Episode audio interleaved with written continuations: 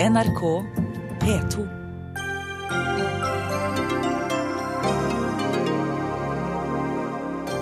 Fly med 150 om bord styrtet i Sør-Frankrike.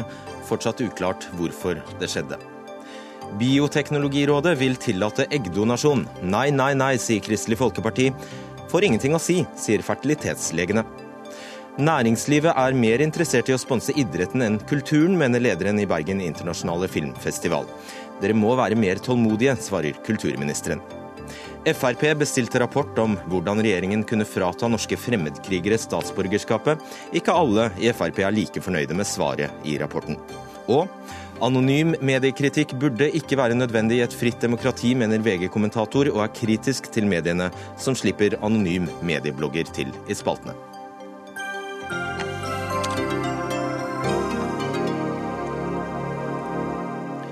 Kveld, dette er Dagsnytt 18 i studio, Fredrik Solvang. Der Absturz der deutschen Maschine mit über 140 Menschen an Bord ist ein Schock, der uns in Deutschland und der Franzosen und Spanier in tiefe Trauer stürzt. Ja, Flystyrten er et sjokk som påfører oss tyske, men også spanjoler og franske dypt, dyp sorg, sa forbundskansler Angela Merkel da hun kommenterte ulykken med German Wings-flyet tidligere i dag. German Wings og morselskapet Lufthansa har sendt sine folk til ulykkesstedet i de sørfranske alpene. Og nå skal en av boksene, altså flyets ferdskriver, være funnet. Jan Espen Kruse, du er utenriksmedarbeider i NRK. Hva mer vet du om dette? Ja, den Meldingen kom for få minutter siden. at uh, Det blir ikke sagt om det er én eller to, men det er, jo, det er, jo, som regel to. altså En opptaker som tar opp hva pilotene sier, den andre som registrerer flyets data. Men uansett så er dette veldig viktig, fordi man da kan finne ut mer omkring hva dette mysteriet rundt hva som har skjedd. Så har Lufthansa sendt sine folk, og det franske militæret skal være involvert. Hvor befinner dette flyvraket seg? Ja, det er på omtrent 2000 meters høyde. Veldig vanskelig tilgjengelig opp i fjellene hvor det er snø. Og det er uhyre vanskelige forhold. Men de skal altså ha klart å, lande med et helikopter og dermed fått en viss oversikt, og på den måten fått uh, hentet denne ferdskriven. Hvordan er været der? Ja, Det blir sagt at uh, det begynner å bli verre. Det kommer inn skyer, det kommer til å snø. Det blir sagt at det også kommer til å være opp til storm styrke i vinden. Så været er overhodet ikke på redningsmannskapenes side. Og sannsynligvis kommer det til å fortsette dette dårlige været. Og dermed vil det ta dagevis før de kan få ned, hentet ned de omkomne. Det blir også sagt at, at flyet er, er slått fullstendig i småbiter. Og at dette vil også gjøre denne operasjonen mye mer komplisert. Og så skal flyet i løpet av åtte minutter ha gått fra 30 000 fot til 6000 fot. Så rett før klokka 11 styrtet det. Hva går spekulasjonene i vedrørende årsaken? Det er rett og slett et mysterium, fordi det har brukt åtte minutter på denne nedstigningen. Og etter det jeg forstår, så er det noe mer tid enn dersom det skulle vært i, i fritt fall.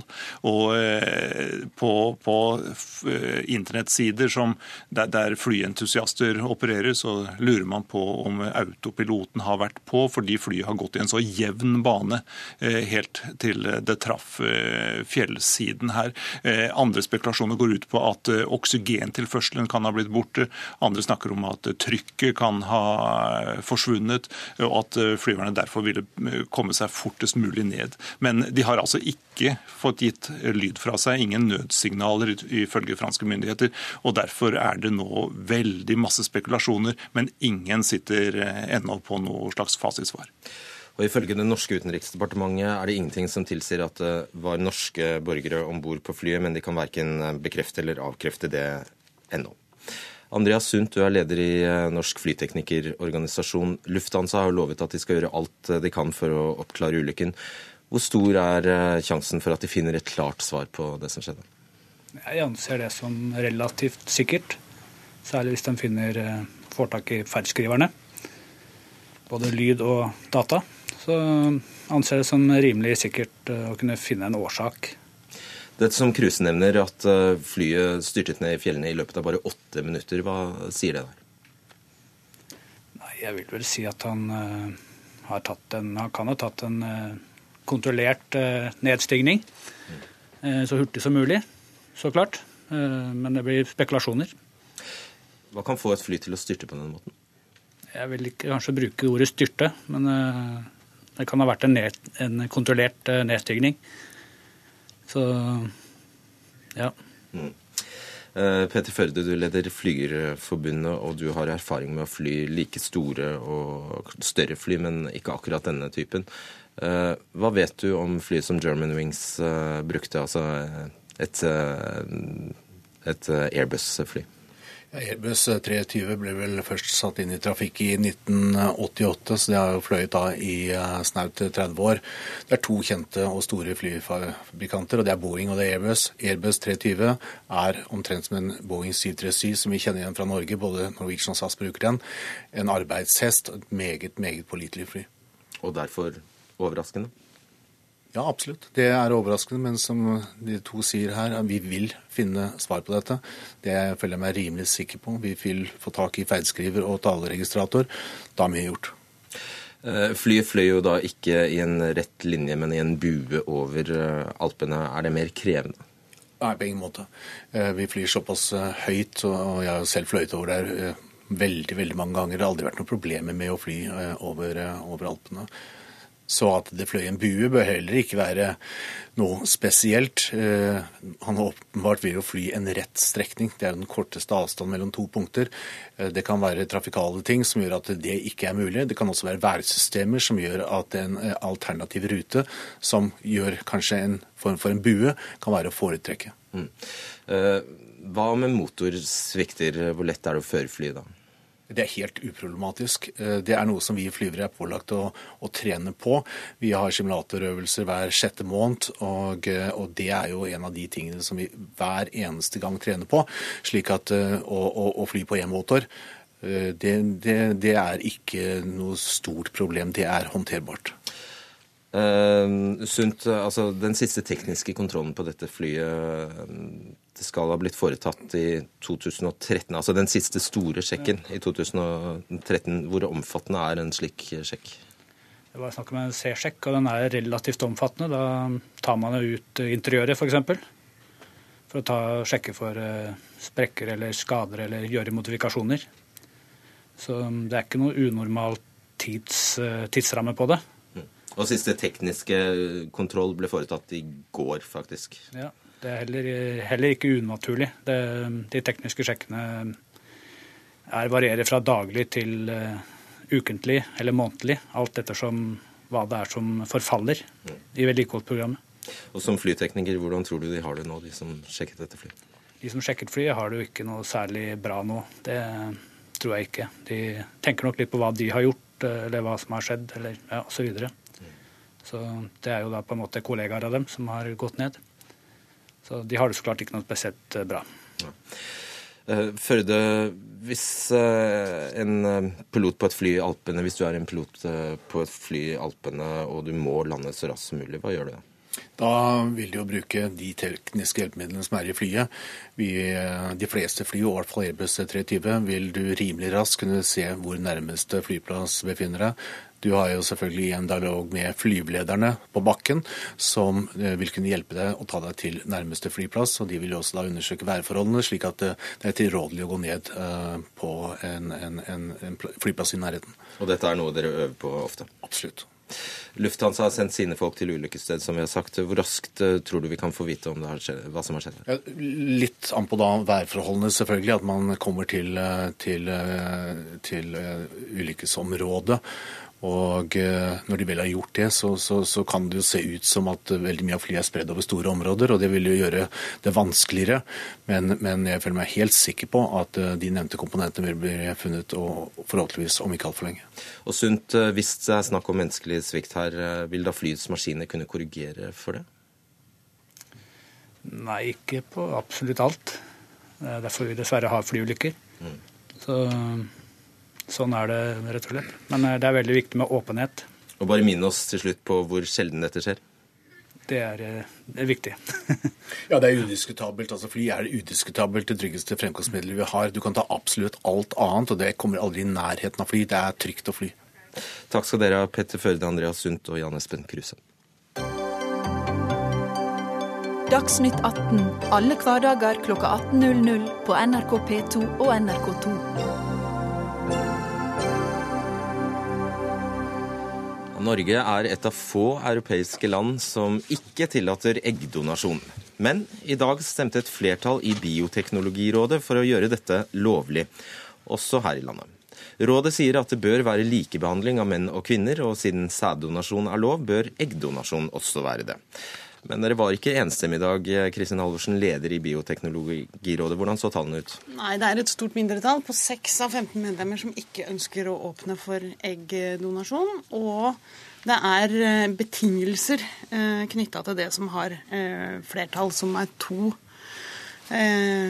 to punkter. Det ene er at man ønsker at det er kvinner som i dag er pasienter for assistert befruktning som kan gi overskytende egg. Eh, fryse dem ned, tenke seg om til etter at de er ferdig med sin behandling, og eventuelt gi dem videre. Det betyr at man Det er jo en forskjell på å donere egg og sæd på den måten at hvis man donerer egg, så må du gjennom en hormonkur, og du må med et inngrep. Det er ikke voldsom altså Det er ikke noe stor risiko knytta til det, men det er tross alt noe mye mer å be om enn en, ved en sæddonasjon. Så det er det ene. Og det andre er at vi ikke ønsker at det skal være kombinasjon av sæd- og eggdonasjon i samme unnfangelse. Ikke dobbeltdonasjon? Nei, ikke dobbeltdonasjon. At, at det barnet skal ha en genetisk tilknytning til en av foreldrene sine. Og du stemte for? Det var det eh, mest restriktive standpunktet si, som jeg eh, stemte for. Men det er jo ikke en enkel sak, og det er en sak som jeg sjøl personlig har vært eh, i stor tvil om. Mm. Olaug Bollestad, helsepolitisk talsperson for Kristelig Folkeparti. Det er vel ingen tvil om hva du hadde stemt, hadde du sittet der? Nei, For det første har jeg lyst til å si at det, det, er lett å si at dette vil vi ikke på en måte for de som venter lenge og ikke får unger sjøl. Så jeg har stor forståelse for at folk har et behov for og et ønske om å få barn. Likevel er ditt svar nei, og kategorisk nei? ja, og likevel så er mitt svar nei. Og når jeg ser på det vedtaket som er gjort i dag, så er det helt som Kristin sier, det er gjort en regulering innenfor to områder. Det ene er at det skal være eh, overskuddsegg fra ei kvinne som allerede er under behandling fordi hun ønsker assistert befruktning og har behov for assistert befruktning. Det andre er at det skal være et likestillingsperspektiv. Eh, men utgangspunktet med overskuddsegg eh, er jo vanskelig i seg selv. Eh, hvordan vi behandler eggene, og så vet vi hva kvaliteten av disse eggene blir, enten de blir befrukta eller ikke blir befrukta, hvordan en bruker de etterpå. Og så er det et kriterium til som jeg syns er vanskelig, og som jeg syns begynner ut på en, et skråplan som jeg syns er vanskelig. Det er jo òg hvordan velger vi ut til slutt. Da er det lett å tenke at en begynner på en sortering, for en velger jo òg egg etter egenskaper, etter kriterier. Og da er vi inne på en galei som er vanskelig å stoppe, tror KrF. Kristin Halvorsen, en slippery, slippery slope? Nei, men det er ett moment til, og det er, eh, som programlederen var inne på, at eggdonasjon er tillatt i de fleste land eh, rundt oss. Eh, og i Norge er det en veldig klar bestemmelse at de barna som blir unnfanget gjennom donasjon, de skal ha rett til å vite hvem den biologiske faren er, fordi det er bare inseminasjon som er tillatt per i dag.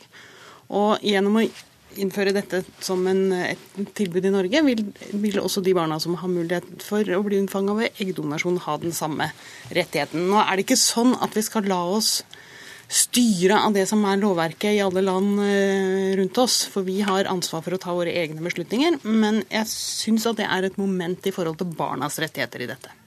Og da har vi også Øyvind Nytun med oss. Du eh, er med i Norsk forening for assistert befruktning. Kristin Halvorsen framlegger altså dette som at det nå blir mulig med eggdonasjon, men hvor reelt er det? Nei, jeg er jo veldig glad for at det Bioteknologirådet åpner for den muligheten, og at vi nå ser ut til at vi kan få tillatt eggdonasjon i Norge. Det er veldig bra.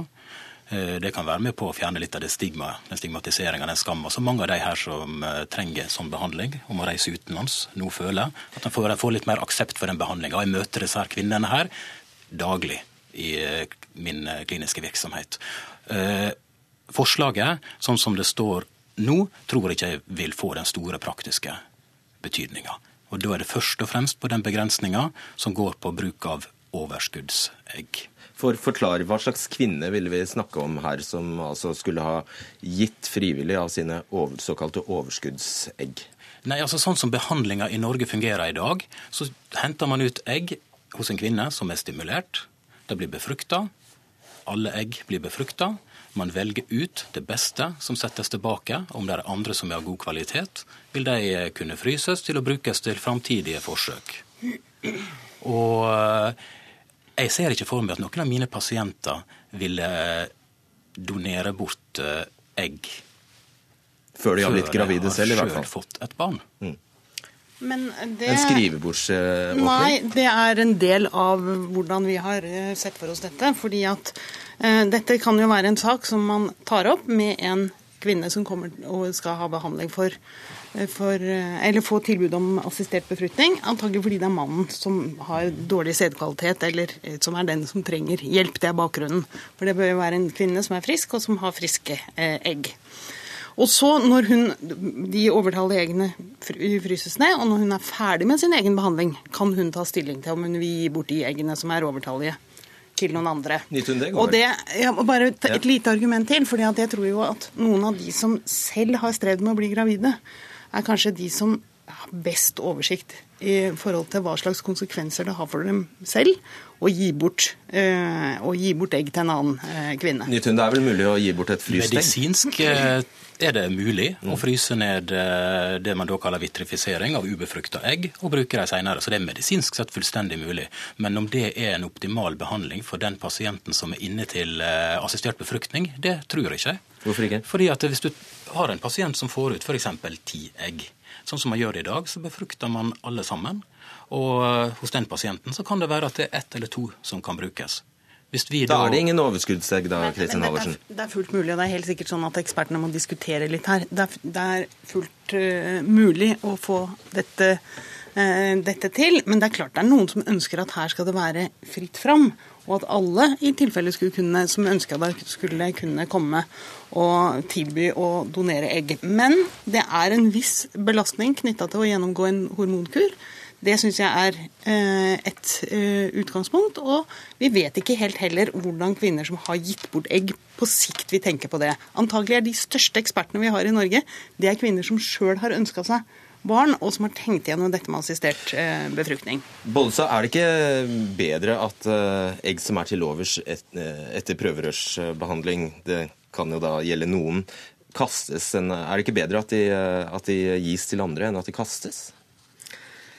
Dette syns jeg er kjempevanskelige spørsmål. Men spørsmålet blir jo til sjuende og sist òg eh, de etiske, altså Teknisk så er ting mulig for alle, det sier jo legen òg her. Men jeg er òg ute til å diskutere hva er etisk det rette.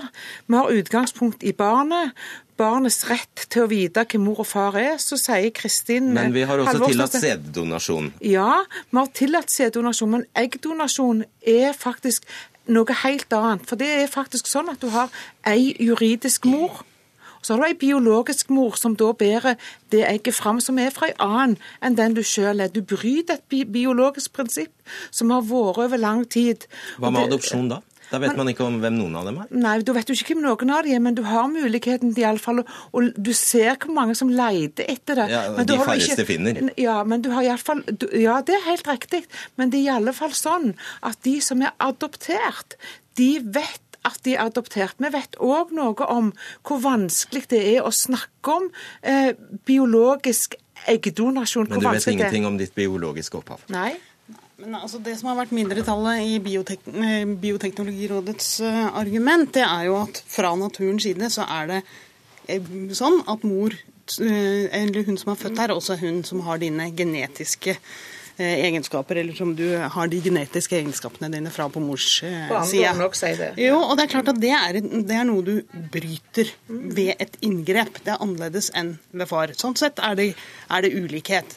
Men så er det jo spørsmålet hvor, hvor avgjørende og hvor vesentlig og hvor viktig er det? Det som Bioteknologirådet er stort sett enige om, det er kanskje en, en liten dissens på det, det er at det lureste er at man snakker med barna sine om dette raskt og at man har rett til å få vite hvem som er det biologiske opphavet deres eh, etter hvert. Nitun, er du enig i at det er en så stor eh, både praktisk og prinsipiell forskjell på sæd- og eggdonasjon? Nei, Jeg mener den forskjellen er minimal, men jeg er enig med Kristin Halvorsen at det viktigste er jo det, det man, den informasjonen man gir til barnet etter det er født. Er det riktig at det er et så stort inngrep som de skal til? Nei, det er et lite inngrep. Det er et veldig lite inngrep. Det er en liten hormondose. Mm. Det er ekstremt sjelden med komplikasjoner. Jeg har personlig aldri opplevd en uh, alvorlig komplikasjon. Nei, det, det, er, det, er, helt uh, på det rene at dette er ikke noe stort inngrep. Men det er større enn å være en sæddonor og donere eh, sæd. Kan jeg si litt om hva som er den videre framdriften her? Fordi at Det som Bioteknologirådet gjør nå, det er å gi et råd til regjeringa på hele bioteknologiloven, og dette er et, et vesentlig poeng. Så skal det lages en stortingsmelding, og den skal antagelig behandles i denne stortingsperioden. Og så kommer en lovendring antagelig i stortingsperioden deretter, altså etter 2017. Og jeg sier det bare fordi at i disse sakene her er det mange som følger med, som har veldig sterke eh, interesser i hva som blir utfallet, og som håper å kunne bli gravide. De må bare belage seg på at dette kommer til å ta tid. Ja, og så tar vi her nå utgangspunkt i mor og fars rettigheter. Men vi vet lite ennå. Når, når, du som lege sier at det har lite konsekvenser for mor å, å, å ta ut et egg, så det er helt sant. Men problemstillingen vi vet lite om konsekvensene for barna. Det vet vi faktisk ganske lite om. Og det syns jeg er noe av vårt utgangspunkt òg. Det å tenke hvor blir ungen oppi dette. Ja, altså, Vi vet jo veldig masse om hvordan det går med barn etter adopsjon, etter sæddonasjon osv. Vi vet at det, de barna går det bra med. Det viktige er at de får informasjon, at man er ærlig med det barnet, og at man viser det kjærlighet. Og Jeg vil bare si én ting til slutt, og det er jo det at det eh, jeg håper det at det når vi skal gå gjennom det forslaget her nå, og så kommer det opp til behandling, at man går og ser til de landene som har eggdonasjon i dag, hvor det fungerer. Og Da vil jeg foreslå at man går og ser til Finland, som har et veldig godt program, som eh, gir gode resultat for alle. Og det får sikkert politikerne rikelig anledning til. Takk skal dere ha, Kristin Halvorsen, Olaug Bollestad og Øyvind Nytun.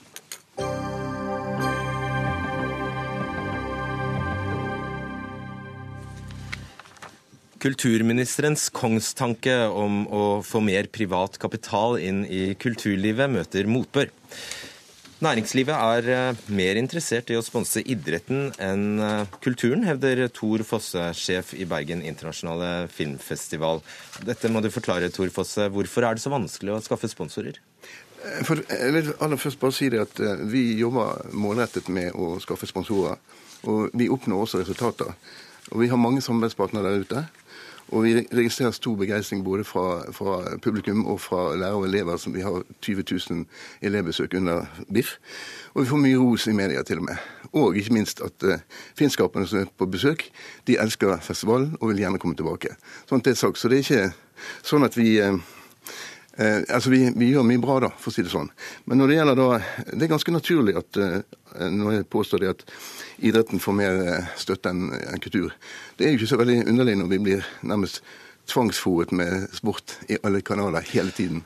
I media, mener jeg. Trenger du disse pengene? Trenger du disse privatpengene? Selvfølgelig gjør vi det. Og vi jobber jo for å få flere sponsorer inn. Det er klart. Så, så, det er ikke det at vi ikke ønsker sponsorer. Tvert imot. Vi, det, vi, har jobbet med det i 16 år. Og da, kulturminister Toril Lydvei fra Høyre, da er det vel noe galt med insentivene du har lagd? Vel, nå har vi satsa på én insentivordning som har hatt en utrolig stor suksess. Den viser seg å være kjempepopulær. Gaveforsterknings... Ja, okay. Gaveforsterkningsordningen. Så vi satses på 10 millioner kroner i 2014. Vi har tripla den nå for 2015, og det fosser inn med søknader. Eh, på noen på de som ønsker å få anledning til å ta del i det programmet. Så det viser seg jo eh, at vi hadde altså søknader i 2014 for nesten 20 millioner kroner. Så det altså var dobbelt så stor interesse som det vi egentlig hadde penger på. Så jeg er veldig tålmodig. Vi så du er fornøyd? Jeg tror det går i riktig retning, og vi må være tålmodige. Det tar tid å bygge opp en kultur. Eh, og for å få kontakt med bedriftene, man må jobbe målretta for å skaffe nettverk. Man må jobbe målretta for å få kontakt med de som er interessert i å være med på å bruke eh, av bedriften sine penger og egne penger for å være med på å investere inn i kulturlivet. Men hvorfor er dette så veldig viktig? Det er kjempeviktig. Av, eh, Pga. dette med maktspredning så er det også viktig at vi har en eh, finansieringskilde som kommer fra de private.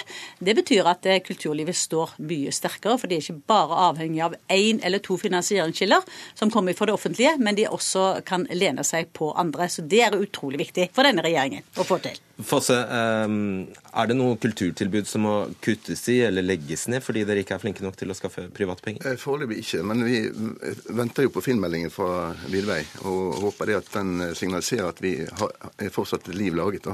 Men det vi sier om næringslivet, det er jo det at de må selv se verdien av å støtte eh, kulturlivet. Altså de respektive kulturfestivaler ja, og, og forskjellig.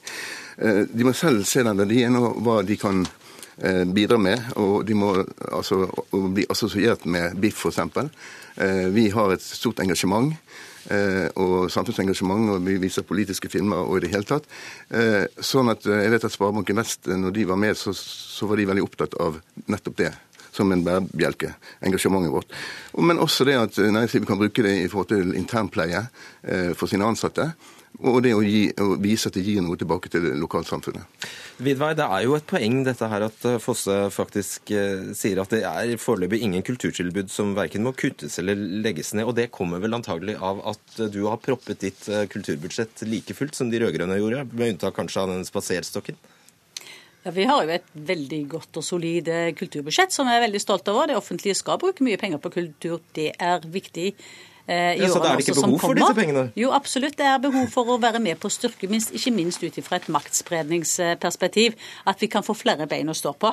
Og så får vi jo gjort enda mer, da. Vi får liksom skape det engasjementet. Det var en veldig interessant undersøkelse som ble gjort i 2013 av 2000 bedrifter. Eh, undersøkelser som ble gjort på BI. Der viste jo at motivasjonsfaktoren var utrolig høy. Det som eh, skåra mest blant industri, eller blant arbeids- og næringslivet, det var jo faktisk faktisk motivasjonen med at det var i nærmiljø. At det var regionalt eh, tiltak som de kunne tenke seg å støtte, og at det var kulturtiltak. Men ser du poenget mitt når det ikke er prekært for disse institusjonene, når de ikke trenger pengene veldig? Så har du jo ikke et stort insentiv til å gå ut og hente dem heller. Vel, det tror jeg er en uh, sannhet med visse modifikasjoner. Jeg opplever jo at det er veldig mange som trenger mer penger. Trenger mer. Så det tror jeg faktisk ikke er et riktig bilde. Jeg ville bare uh, anslå en positiv tone her når vi begynte, men det er klart at jeg har hatt en ringerunde rundt, og det er klart at veldig mange sliter med, med sponsorer. Vi klarte i fjor uh, 50 av våre inntekter kom fra sponsorer, men det kom også fra profilering, profileringsparten, men også prosjektmidler. 50 eh, og, og driftsstøtten fra departement, eh, kommune og fylke til sammen var 19% Men de er dødsviktige, de 19 prosentene. Eh, og gjerne at det blir litt mer enn det. Så vi håper jo at filmmeldingen signaliserer at vi i Liv lager fortsatt fortsettelsen. Kulturlivet skjønner ikke hva kapitalistene vil ha, sier sponsorkonsulent Jakob Lund. Hva har dere å tilby næringslivet helt konkret? Vi, vi, har jo, eh, altså det at vi skaper en veldig begeistring i befolkningen eh, lokalt. I Bergen det er stor patriotisme fra før, men, men eh, vi merker jo det at, at Biff lyser opp i tilværelsen. Så, så, og, og, det er jo veldig mange profileringspartnere som er med oss, og som syns at vi gjør en god jobb, og syns at vi er også veldig kreative. Og, og, det vil jeg bare si at det, det skal vi fortsette med. Er det noe Vidvei kunne ha gjort her? Hvilke andre tiltak kunne du ha ønsket deg? Nei, altså jeg håper jo at Vilvei um, sier fra til kommunene, eh, kommunene i hvert fall, at, eh, at uh, stå på. Og gjerne mer enn en det som er gjort. Vi har stått på stedet hvil nå i syv år, så vi vil gjerne se at kommunene også bidrar med mer. Men jeg syns det er viktig å få skape motivasjon overfor private givere. Faktisk si at det er veldig positivt. Vi vil, vi vil, faktisk at både privatpersoner skal gi donasjoner. Vi vil gjerne at næringslivet skal være med på å bidra enda mer. Enten i form av sponsorer eller i form av gaver. Jeg har hatt flere arrangementer, inviterte middager i Parkveien med ulike grupperinger for å sette dette temaet på dagsorden. Og jeg føler meg helt sikker på at dette kommer til å bli mer og mer av. Vi har veldig mange gode eksempler på dette. men til de som er ansvarlig for også eh, viktige kulturinstitusjoner som eh, BIF. Men også skape disse gode kontaktene. Man må jobbe faktisk systematisk over tid. Og legge litt, litt arbeid, enda mer arbeid ned i, og få disse gode relasjonene. Gjerne også få de med i styrer og råd, sånn at man kjenner på at dette har man en, eh, et eierskap til. Mm. Jeg har jo sittet på, ja, på motsatt side av bordet, så jeg vet jo at det er veldig mange bedrifter som har lyst til å være med og bidra. Få til slutt, du må bare skjerpe deg. Det er det det står på. Ja, altså, Jeg eh, jobber stort sett uh, hele tiden, da, og også i helgene. Fra ni om morgenen, så lørdag og søndag. Så jeg jobber. Vi stoler på deg. Takk skal dere ha, kulturminister Tore Livvei og Tor Fosse.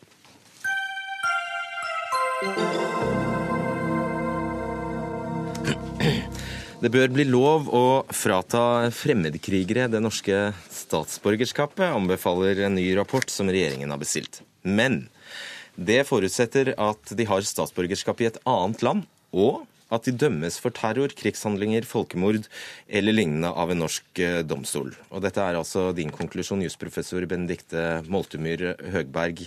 Disse forutsetningene er vel ikke akkurat helt enkle å innfri? Eh, nei, eh, det kan være at eh, det er mange fremmedkrigere som ikke nødvendigvis oppfyller de kriteriene. Eh, det som er eh, min anbefaling, det er at man eh, innfører regler om tap av statsborgerskap for personer som har begått handlinger som terror, krigsforbrytelser eller lignende. og at man da i tillegg har et dobbelt statsborgerskap. Og for noen av de fremmedkrigerne Og da er det nåløyet omtrent hvor stort?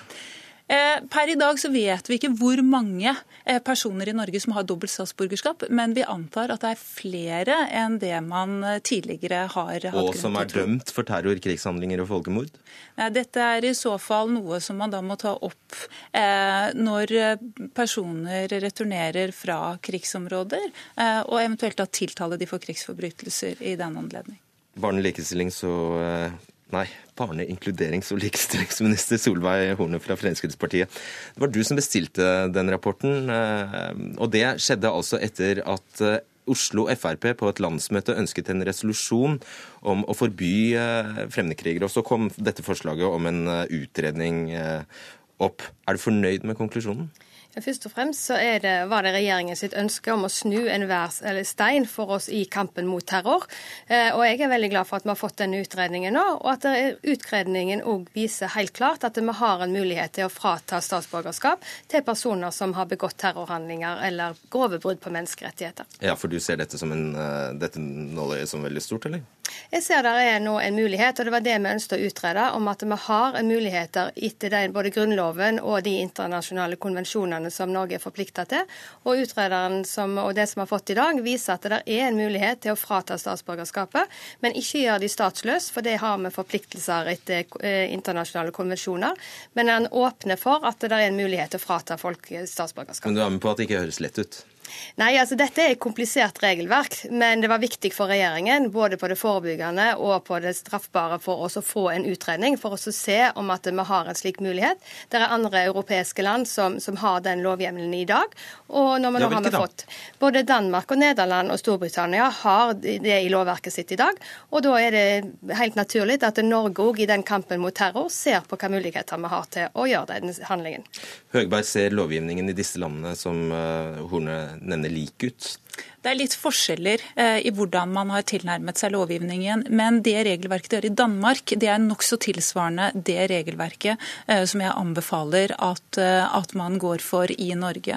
Mens man i Storbritannia ikke har de samme forpliktelsene etter internasjonale konvensjoner som det Norge har forpliktet seg til. Og helt spesifikt, Hvilken konvensjon er det vi ikke har, som vi har undertegnet, som Storbritannia ikke har undertegnet? Det er en konvensjon gitt av Europarådet i 1997 om stat statsborgerskap, eh, som da eh, Storbritannia ikke er tilsluttet. Og Det gjør at de ikke eh, har forpliktet seg til å, å, å ikke gjøre personer statsløse. Til slutt, Solveig Horne, du skal forlate oss straks, for vi skal bytte deg ut med en annen Frp-er.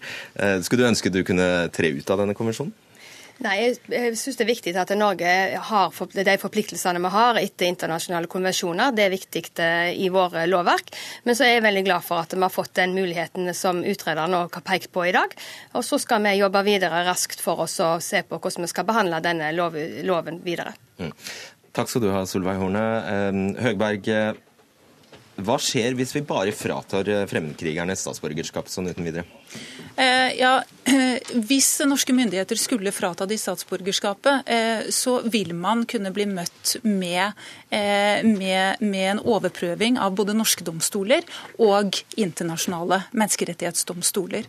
Slik at man rett og slett ikke får gjennomført det, det man da har besluttet. Det er bakgrunnen for at det er viktig å opprettholde de forpliktelsene vi har både etter Grunnloven og etter internasjonale konvensjoner. Kan det også være ulurt? Eh, som jurist så vil jeg i hvert fall påpeke at man bør følge de konvensjonsforpliktelsene og de grunnlovsforpliktelsene som man har satt seg. Carl I. Hagen, du sitter i Oslo bystyre for eh, Frp. og Jeg skal bare gjøre oppmerksom på at du denne gangen snakker kun for deg selv, ikke Oslo eh, Frp, da de ikke har noe vedtak, formelt vedtak på dette. Men du vil jo frata fremmedkrigere statsborgerskapet, punktum. Nei, ikke så lenge vi har denne konvensjonen. Der må vi er helt enige. Vi skal, vi skal følge konvensjoner, men det vi kan begynne å diskutere, er om vi kanskje bør gå ut av noen av disse konvensjonene. Vi har det samme med mulla Krekar, hvor vi er bundet av en konvensjon. Kanskje vi skulle vurdere om vi skal fratre noen av disse konvensjonene og si at nå vil vi bestemme selv her i Norge, og ikke la organer utenfor dette landet styre ting som er sentrale for oss. Men det jeg har sagt, er at jeg begynner å åpne for at vi kanskje burde mye lettere akseptere dobbelt statsborgerskap. Slik at hvis det var flere som I dag må de jo søke, og det er noen land noen som får statsborgerskap i Norge, men som også er statsborger i et land som ikke de kan komme unna. Men det er mange som frivillig vil beholde det gamle statsborgerskapet, og da tror jeg vi bør la de beholde det. For hvis de blir fremmedkrigere, så kan vi ta det norske bort og sende de tilbake til det landet. Jeg syns vi må snu alle steiner vi kan for å stoppe dette med fremmedkrigere. Jeg syns også vi skal vurdere om de kan også straffes for landssvik. Altså, Norge, den vestlige verden, er jo sammen i kampen mot den islamske stat. Og da er det jo landssvik hvis det er en norsk borger som slår seg sammen med fienden. Og så kunne vi se på straffenivået både for krigsforbrytelser og landssvik for å gjøre hva vi kan for å stoppe dette svineriet. Hva tenker du når du hører dette, Høgberg?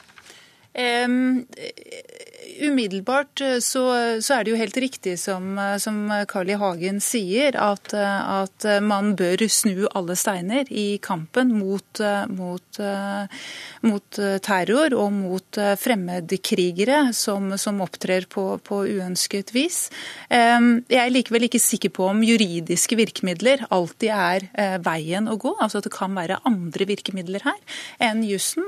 Og, og jeg tror nok at, at, i forhold til dette med dobbelt statsborgerskap, så må nok i så fall Solveig Horne bestille en ny utredning på det. For det er et spørsmål jeg ikke har sett på i forhold til om man bør åpne adgang i større grad for det. Når det gjelder dette med dobbelt statsborgerskap, for en lekmann så høres det jo helt utrolig ut at vi skal sitte, sitte, og akseptere at mennesker drar og verver seg til en krig der hoder kappes av og mennesker eh, levende, blir brent levende av hensyn til at vi ikke kan, kan gjøre noen statsløse? Um, ja, eh, det, det, er jo et spørsmål som, som, man, kan, som man, kan, diskutere. Eh, men, men, foreløpig så er nå i hvert fall Norge bundet av konvensjoner som, som, tilsier at man ikke kan gjøre personer statsløse. Og det har mange grunner for seg. Blir personer statsløse, så forsvinner de gjerne under jorden et eller annet sted i verden, og man mister viktig etterretningsinformasjon, man mister oversikten, og de kan utgjøre en større sikkerhetsrisiko på den måten. Men de bestialske tingene du nevner nå, programleder, det er klart at der kan vi øke straffene i Norge. Vi kan eh, gjøre livsvarig fengsel til livsvarig fengsel, slik at de ikke kommer ut noen gang. Men Hagen, dette er jo mennesker som er villige til å dø for saken? Det ja. hjelper jo ikke strenge straffer. Nei, men der, vi har også en annen konvensjon som jeg nevnte i sted, som altså hindrer oss i å sende folk til et land som har dødsstraff. En seriemorder i USA ville jo kunne komme til Norge og være her trygt og godt, og ikke bli sendt tilbake til USA, hvor de praktiserer dødsstraff. Så vi er jo et, et, et, et sikkerhets... Jeg syns ikke vi skal ha den bestemmelsen. Jeg syns at hvis det er et annet land som har valgt dødsstraff, jeg vil ikke ha det for, i Norge for norske borgere, eh, men hvis det er i et andre land har dødsstraff, og alle innbyggerne vet om det, da skal de ikke kunne komme til Norge og, og liksom bli boende her pga. at vi har et annet regelverk. Da skulle de vært sendt hjem og eventuelt hatt den dødsstraffen. Da er det mulig vi må ut av noen konvensjoner. For jeg er veldig tilhenger av at når vi er bundet av konvensjoner og har undertegnet en kontrakt, så skal det stå på den. Men hvis det er muligheter for å komme ut, og de aller fleste konvensjoner kan man gå ut av, og da burde vi gjøre det. Eh, sånn som det ble nevnt tidligere om Storbritannia f.eks., som har noe større handlefrihet for hva de vil gjøre. Men det, verste, det vi kan gjøre, er i hvert fall å ha mye strengere straffer. Når de kommer tilbake, så kommer de til å havne bak eh, noen murer og forbli der resten av livet Men én ting til, veldig kort. Det er mange andre ting vi skal gjøre for å motarbeide denne virksomheten. Og jeg tror vi må sørge for en mye bedre integreringspolitikk. Vi frem, de andre partiene fremdeles aksepterer at barn født i Norge begynner på skolen seks år gammel uten, uten, å kunne norsk. Så integrering er det vi må gjøre. Vi vil ikke lenger finne oss i at man oppdrar sine barn til å bli martyrer og selvmordsbombere. Men Høgberg, selv om det kanskje heller ikke er en del av eh, mandatet ditt, eh, kan vi gå ut av noen av disse konvensjonene uten å få verdenssamfunnet på nakken? Eh, de, de, bestemmelsene som, som Carl I. Hagen her refererer til, altså i forhold til dette med, eh, dette med, at vi ikke kan returnere personer som risikerer dødsstraff, så er det svært vanskelig å skulle tre ut av den type konvensjonsforpliktelser. Det ligger både i Den europeiske menneskerettighetskonvensjon og det ligger i FN-konvensjoner. Så dette er et vanskelig spørsmål. Jeg har overhodet ikke sett på det. Eh, eh, det krever en helt annen utredning. Jeg tror det er vanskelig. La meg også nevne der at Det kommer jo også an på det politiske miljøet. Mange av disse konvensjonene ble jo laget for 20-30 år siden, da verden var annerledes. Det vi nå ser fra Den islamske stat og andre, er en ny verden. Kanskje en del konvensjoner kan endres av de som har undertegnet og laget konvensjonene. Og Det burde man også nå begynne å diskutere. Altså, Vi har jo en flyktningkonvensjon etter den annen verdenskrig som er helt ubrukelig i dag. Og da, da må vi FN Høre på deg, Carl I. Hagen. Takk skal dere ha, Benedicte Moltemyr Høgberg og Carl I. Hagen. Hør Dagsnytt 18 når du vil. Radio NRK Radio.nrk.no.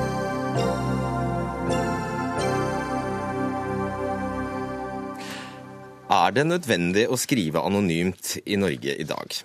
Ja, mener skribenten som kaller seg Dormus Schafer, eller Doremus Schafer, hvem vet. Han er en mediekritisk blogger som skriver anonymt for Fagbladet Journalisten, Manifesttidsskrift og Dagbladet med støtte fra Fritt Ord. Men eh, anonymitet skal kun brukes i ekstreme tilfeller, og dette er ikke et ekstremt tilfelle, mener du, Anne Skjever, kommentator i VG? Ja, jeg mener at eh, anonymitet i eh, Når du er eh, kritiker og kommentator, opptrer som kommentator, kritiserer andre folks arbeid i, i offentligheten, uansett hva det være, om du er bokanmelder eller, eller mediekritiker eller, eller skriver om finans, så må hovedregelen være at du står fram med ditt eget navn, slik de menneskene du kritiserer, er er kjent. Så finnes det altså uh, unntak, mener jeg, som er når hvis det er fare for din egen sikkerhet. det er jo dessverre sånn uh, blitt at det er en del ytringer i Norge som, uh, som nå i verden som kan være farlige å komme med, hvor folk blir utsatt for trusler, ikke minst fra anonyme personer.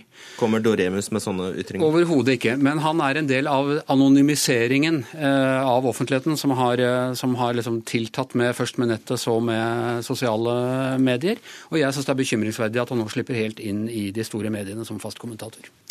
Et av dem er eh, Fagbladet journalisten Helge Øgrim, du er redaktør eh, der. Hvem er eh, Doremus? Doremus er en mediekritisk blogger. Han skriver om andre ting også. En ganske flink tallknuser, analytiker, en som forstår statistikk og metode, og som ut ifra den ferdigheten har, har drevet samfunnsdebatt på sin egen blogg i et par år. Eh, og så kom han til journalisten og lurte på om vi kunne være interessert i å publisere ham. Vi hadde skrevet om han tidligere, for han hadde begått noe mediekritikk som vi syntes var interessant, og som vi refererte til. Eh, og da er det sånn at det kommer, det, det kommer en henvendelse meg, til meg fra en person eh, som har en merittliste som en seriøs skribent men som har skrevet under pseudonym. Altså han er ikke anonym i den forstand han skifter navn hver dag, ikke sant? men han bruker et fast pseudonym som gjør at han har en historikk. Og Det kan være en person som er i en uh, utsatt personlig situasjon. Ja, men Snakk om han. Hvorfor lar du han være anonym? Det er fordi, som jeg har forsøkt å forklare Anders og andre flere ganger, eh, at jeg mener han har særskilte og gode grunner til å få være pseudonym. Hvilke da? Ja, Det ligger jo i sakens natur at hvis jeg fortalte om det, så hadde jo pseudonymiteten vært blåst. Så dette dreier seg rett og slett om en redaktørs mulighet til å kunne ta den beslutningen, og kunne stå ved den beslutningen, selv om VGs eh, Anders Giæver, eller VG som sådan, eh, har en annen oppfatning. Så har de da starta et stormløp mot uh, Doremus, for de syns dette var fryktelig. Og jeg syns ikke det er fryktelig. Jeg syns, en kommentar, da. Jeg, jeg syns han har en Jeg syns han har en vesentlig samfunnsfunksjon og en god mediekritikk. Jeg syns den fortjener et større publikum, og derfor slipper han til journalisten på fast plass. Det er uvanlig, men det er et unntak. Ja, det er ikke bare det at det irriterer deg at du ikke vet hvem det er? Uh, nei, det er ikke det.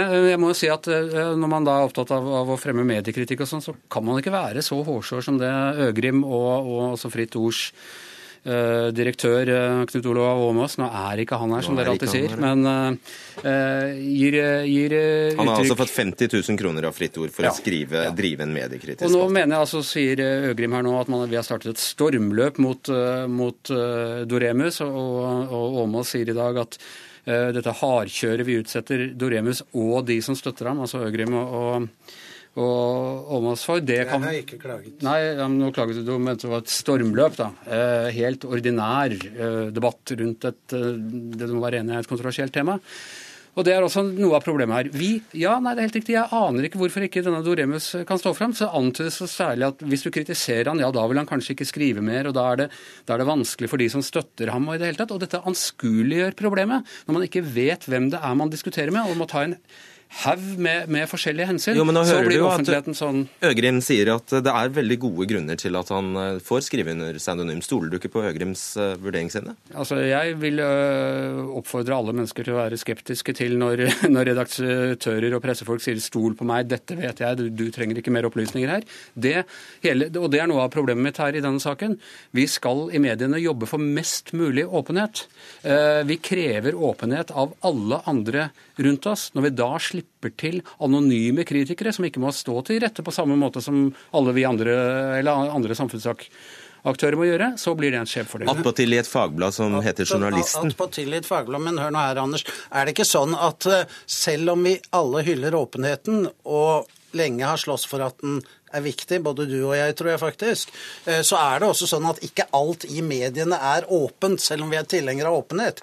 Vi har skjulte kilder, vi har hemmelige tipsere, det, det, vi publiserer av og til eh, kronikker og andre ting uten eh, åpne navn osv., fordi vi tar en redaktørbeslutning om at i dette tilfellet så kan det forsvares. Dere har til og med publisert pseudonyme bloggere. Det er vel Frog from the Fjord, tror jeg, som er en av dem. Som vi senere har gitt uh, Som dere senere, men prinsippet var ikke tyngre og tynget dere ikke Øgrim, mer enn at dere kunne gjøre det. Vi har da funnet at vi kan gjøre det i dette tilfellet. Okay, svar på det. Jeg må bare svare på det, at det er jo ganske stor forskjell på å ha hemmelige kilder i saker som uh, har grunner til å være hemmelige, og å la dem slippe til med kritikk av uh, som kritikere og kommentatorer i avisen. Men hemmelige kilder slipper også til med kritikk, faktisk. Men det er en helt annen debatt. Ja, det du, du, må være enig i at hemmelige kilder er noe helt annet. Men du etablerer et hellig prinsipp som faktisk ikke er hellig Nei, heller ikke i VG. Det er du som sammenligner epler og appelsiner her. Øgrim, jeg har bare lyst til å spørre deg. Altså, hvis, altså, hvis, man ser rundt seg i verden, så sitter altså journalister og bloggere i fengsel for, uh, for sine ytringer. Og så kommer du her og presenterer en fyr som heter Doremus, som skriver om norsk samfunnsliv og denne andedammen. Er det virkelig nødvendig med anonymitet for en slik en? For Doremus er det nødvendig med pseudonymitet. Så spørsmålet er jo er det nødvendig for oss å viderepublisere ham? Burde ikke vi gått utenom og sagt at uh, her blir det mye kritikk, og Anders blir sur, ja, og så videre? Ja, det var egentlig et bedre spørsmål. Ja, og jeg, det bør veie veldig tungt. Jeg ser det. Uh, og jeg syns det, for jeg Altså, Noen har sagt det er ikke for lite mediekritikk her i landet. Jeg tror til og med Anders likte den uttalelsen da den kom fra Kjersti Løkken Stavrum. Men det er ikke nødvendigvis nok god mediekritikk. Det er viktig å gjøre en detaljert og konkret mediekritikk, ikke minst av medienes forståelse for tall og statistikk og metode, hvor det feiles hver eneste dag. Og det er dette ganske ukontroversielle, men av og til ubehagelige, som Doremus driver med. Den kan han selvfølgelig publisere på sin egen blogg under sitt pseudonym. Vi syns den er viktig nok til at vi vil bringe den fram i journalisten. Forutsetningen for å kunne gjøre det er å respektere hans pseudonymitet. Det har jeg gjort en avtale med han om. Den bryter jeg selvfølgelig ikke fordi om noen syns det er feil, også fordi de forholder seg som de vil. Til og med vel, som VG har gjort i dag, eh, nekte å trykke et innlegg fra ham etter at han ble kritisert i VG, fordi han ikke vil oppgi sin identitet til avisa som har angrepet ham for å skjule den. Veldig raskt, eh, Jæver. Dette er altså noe nytt. Frykter du det? Eh, jeg er redd at jeg er på en tapende part her. At anonymiseringen i offentligheten kommer til å tilta i styrke. At, at dette var et viktig skritt i veien til et mindre åpen offentlig debatt. Ingen frykt for det. Så fint, da. Takk skal dere ha, Helge Øgrim og Anders Giæver.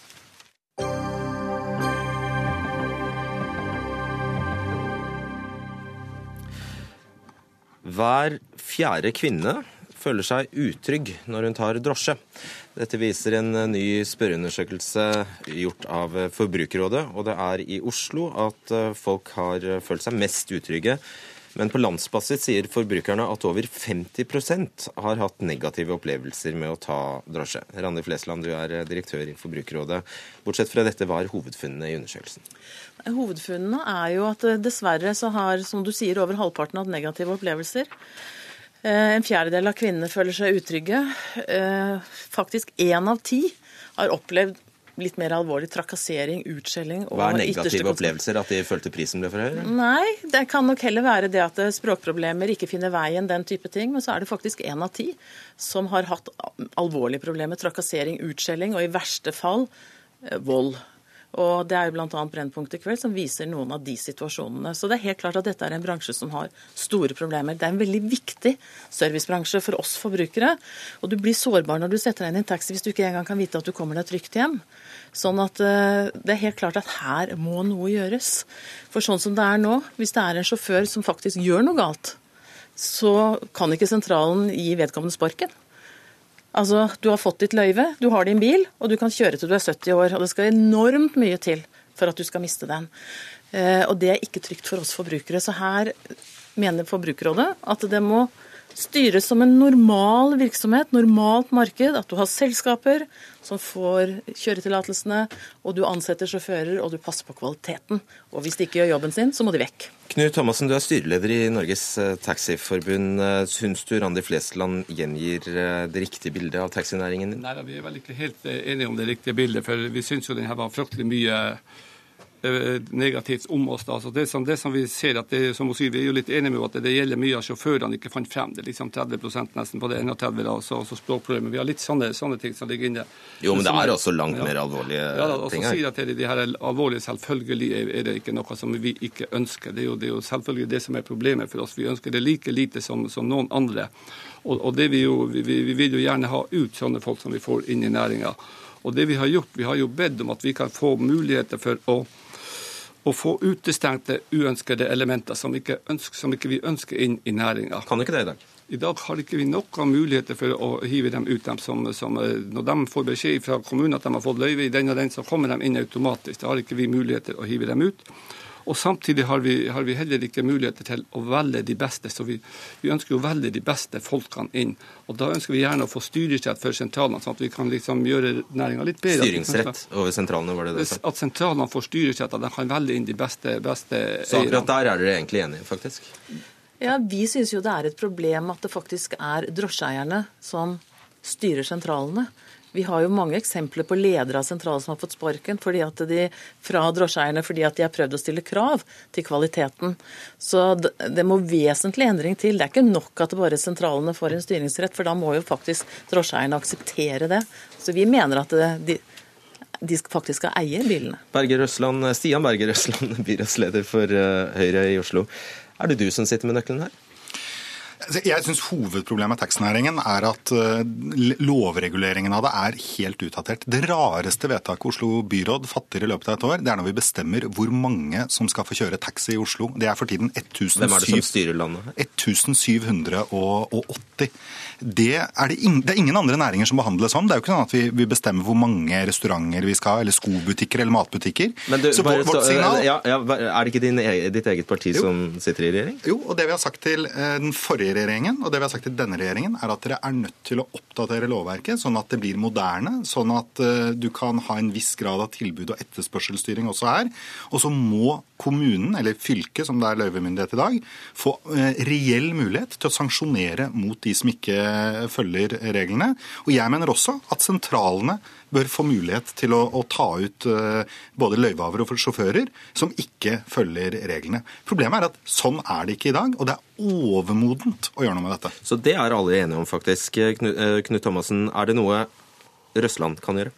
Ja, vi, vi, ønsker jo bare han også, hun, Randi kan hjelpe oss litt. Som jeg har sagt, at Hun har jo en sånn transportklagenemnd. og Vi ønsker å være med i den transportklagenemnda til Forbrukerrådet, sånn at det skal være mulighet til å klage inn der. Og så ønsker vi jo også at, at det, det, skal være en videokamera i bilen for å øke sikkerheten for passasjerene og for sjåførene.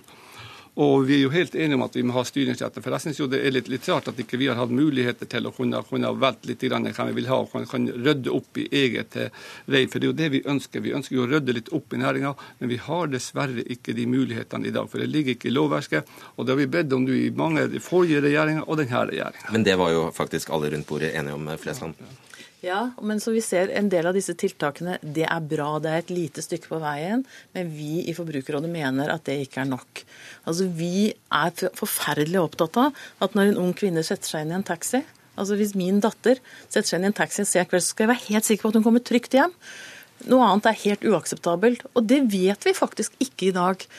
Og det du sier at sentralene kan si sånn Ja, men nå er det jo faktisk sånn at disse drosjeeierne som da har sine små enkeltmannsforetak, de kan jo bare velge seg ut av en sentral. Hvis en sentral stiller krav til kvalitet, så bare går de til en annen sentral.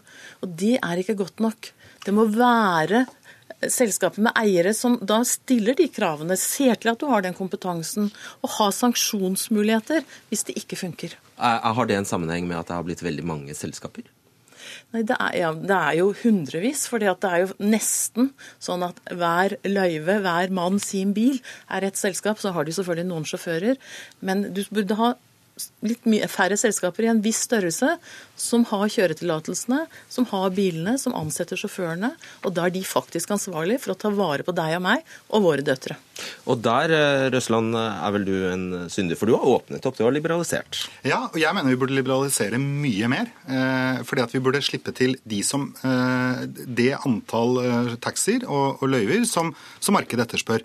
Det vi bruker tid på i dag, er de gale tingene. Vi bruker lang tid på å diskutere og lage behovsanalyser på hvor mange eh, taxier du skal ha, og bruke mye mindre tid og mye mindre anledning til å eh, faktisk kontrollere at kvaliteten er god nok. Vi har jo vært i retten noen ganger, Oslo kommune, eh, eh og prøvd å inndra eh, eh, drosjeløyver fra løyvehavere som er dømt for kriminelle handlinger. Men rettslige grunnlaget for å inndra løyvene er ikke godt nok. Jeg kunne tenke meg et system som mye mer lignet på, på en annen næring vi kjenner godt, nemlig skjenkenæringen. Eh, og det er jo ikke sånn at du kan si der at eh, hvis, du, hvis en, en, som jobber i baren serverer en, en, mindreårig, eh, så kan den som eier stedet si at nei, det var ikke meg, det var bare en som jobbet for meg. Altså Vi må kunne identifisere, og vi må kunne reagere kontant, og vi må kunne reagere effektivt. Og det kan vi ikke i dag. Og derfor så får vi en dårlig eh, situasjon for mange som opplever utrygghet. Og det er ingen tjent med. Verken de gode løyvehaverne, de gode taxisentralene eller vi som kunder. Thomasen, ja, det, det som jeg sier at når snakker om, De har jo vært det mest liberale. og det er sånn den analysen, det er jo at det der det mest klager også, det har vært mest liberalt. Så, så det blir jo litt gal politikk som man viderefører på en måte, vil jeg påstå. Og det som vi også har lagt inn som vi ønsker, vi ønsker jo litt strengere kontroll med de her kjørecellene. For det vet vi også det har vært litt, litt med her. Og der har vi sagt at en skal gjerne gå inn, inn i førerkortet med en egen kode, sånn at vi kan være sikre på dem som får eh, kjøre bil, at det er dem som kjører bil. Så vi ønsker jo også strengere regler. Vi er vel ikke så uenige. Holdt på å si, Vi ønsker jo akkurat som forbrukerråd å, å, ta vare på kundene våre og gjøre en best mulig jobb, sånn at de skal være fornøyd. Det er jo det vi gjør til daglig. Og vi må ikke glemme at, at drosjenæringa kjører jo 34 millioner turer i året rundt omkring i hele landet. Vi er hele tida om natt og dag og kjører der oppe. Og, og flesteparten gjør jo en kjempegod jobb. Og så, og så, blir det litt sånn at det er to eller tre stykker som har gjort en feil, så blir det litt sånn Det blir for mye negativt. Og der må vi få anledning å styre og få ut av næringa. Flesland, til slutt, du maler kanskje med litt bred pensel her? Det er jo helt klart at de aller fleste er veldig flinke og veldig ordentlige. Men det er faktisk så store tall som vi har, hører at nesten halvparten, altså over halvparten har hatt negative opplevelser. Da må man gjøre noe mer grunnleggende. Og selv om det er de få som ødelegger for de mange, så må man faktisk ta tak i hele bransjen. All ære til Oslo kommune som faktisk har prøvd å rydde opp. All ære til at man ønsker å gjøre en del ting, og vi kan starte på det. Men det er større strukturelle grep som må til for at vi skal være trygge i drosjen fremover. Og der må jeg si tusen takk til dere, Randi Flesland, Stian Berger Røsland og Atle Hagtun Nei, Atle Hagtun. Knut Thomassen. Takk skal dere ha. Eh, jeg skal bare si at ansvarlig for sendingen var Andrea Kvamme Hagen, teknisk ansvarlig Marianne Myrhol og i studio Fredrik Solvang.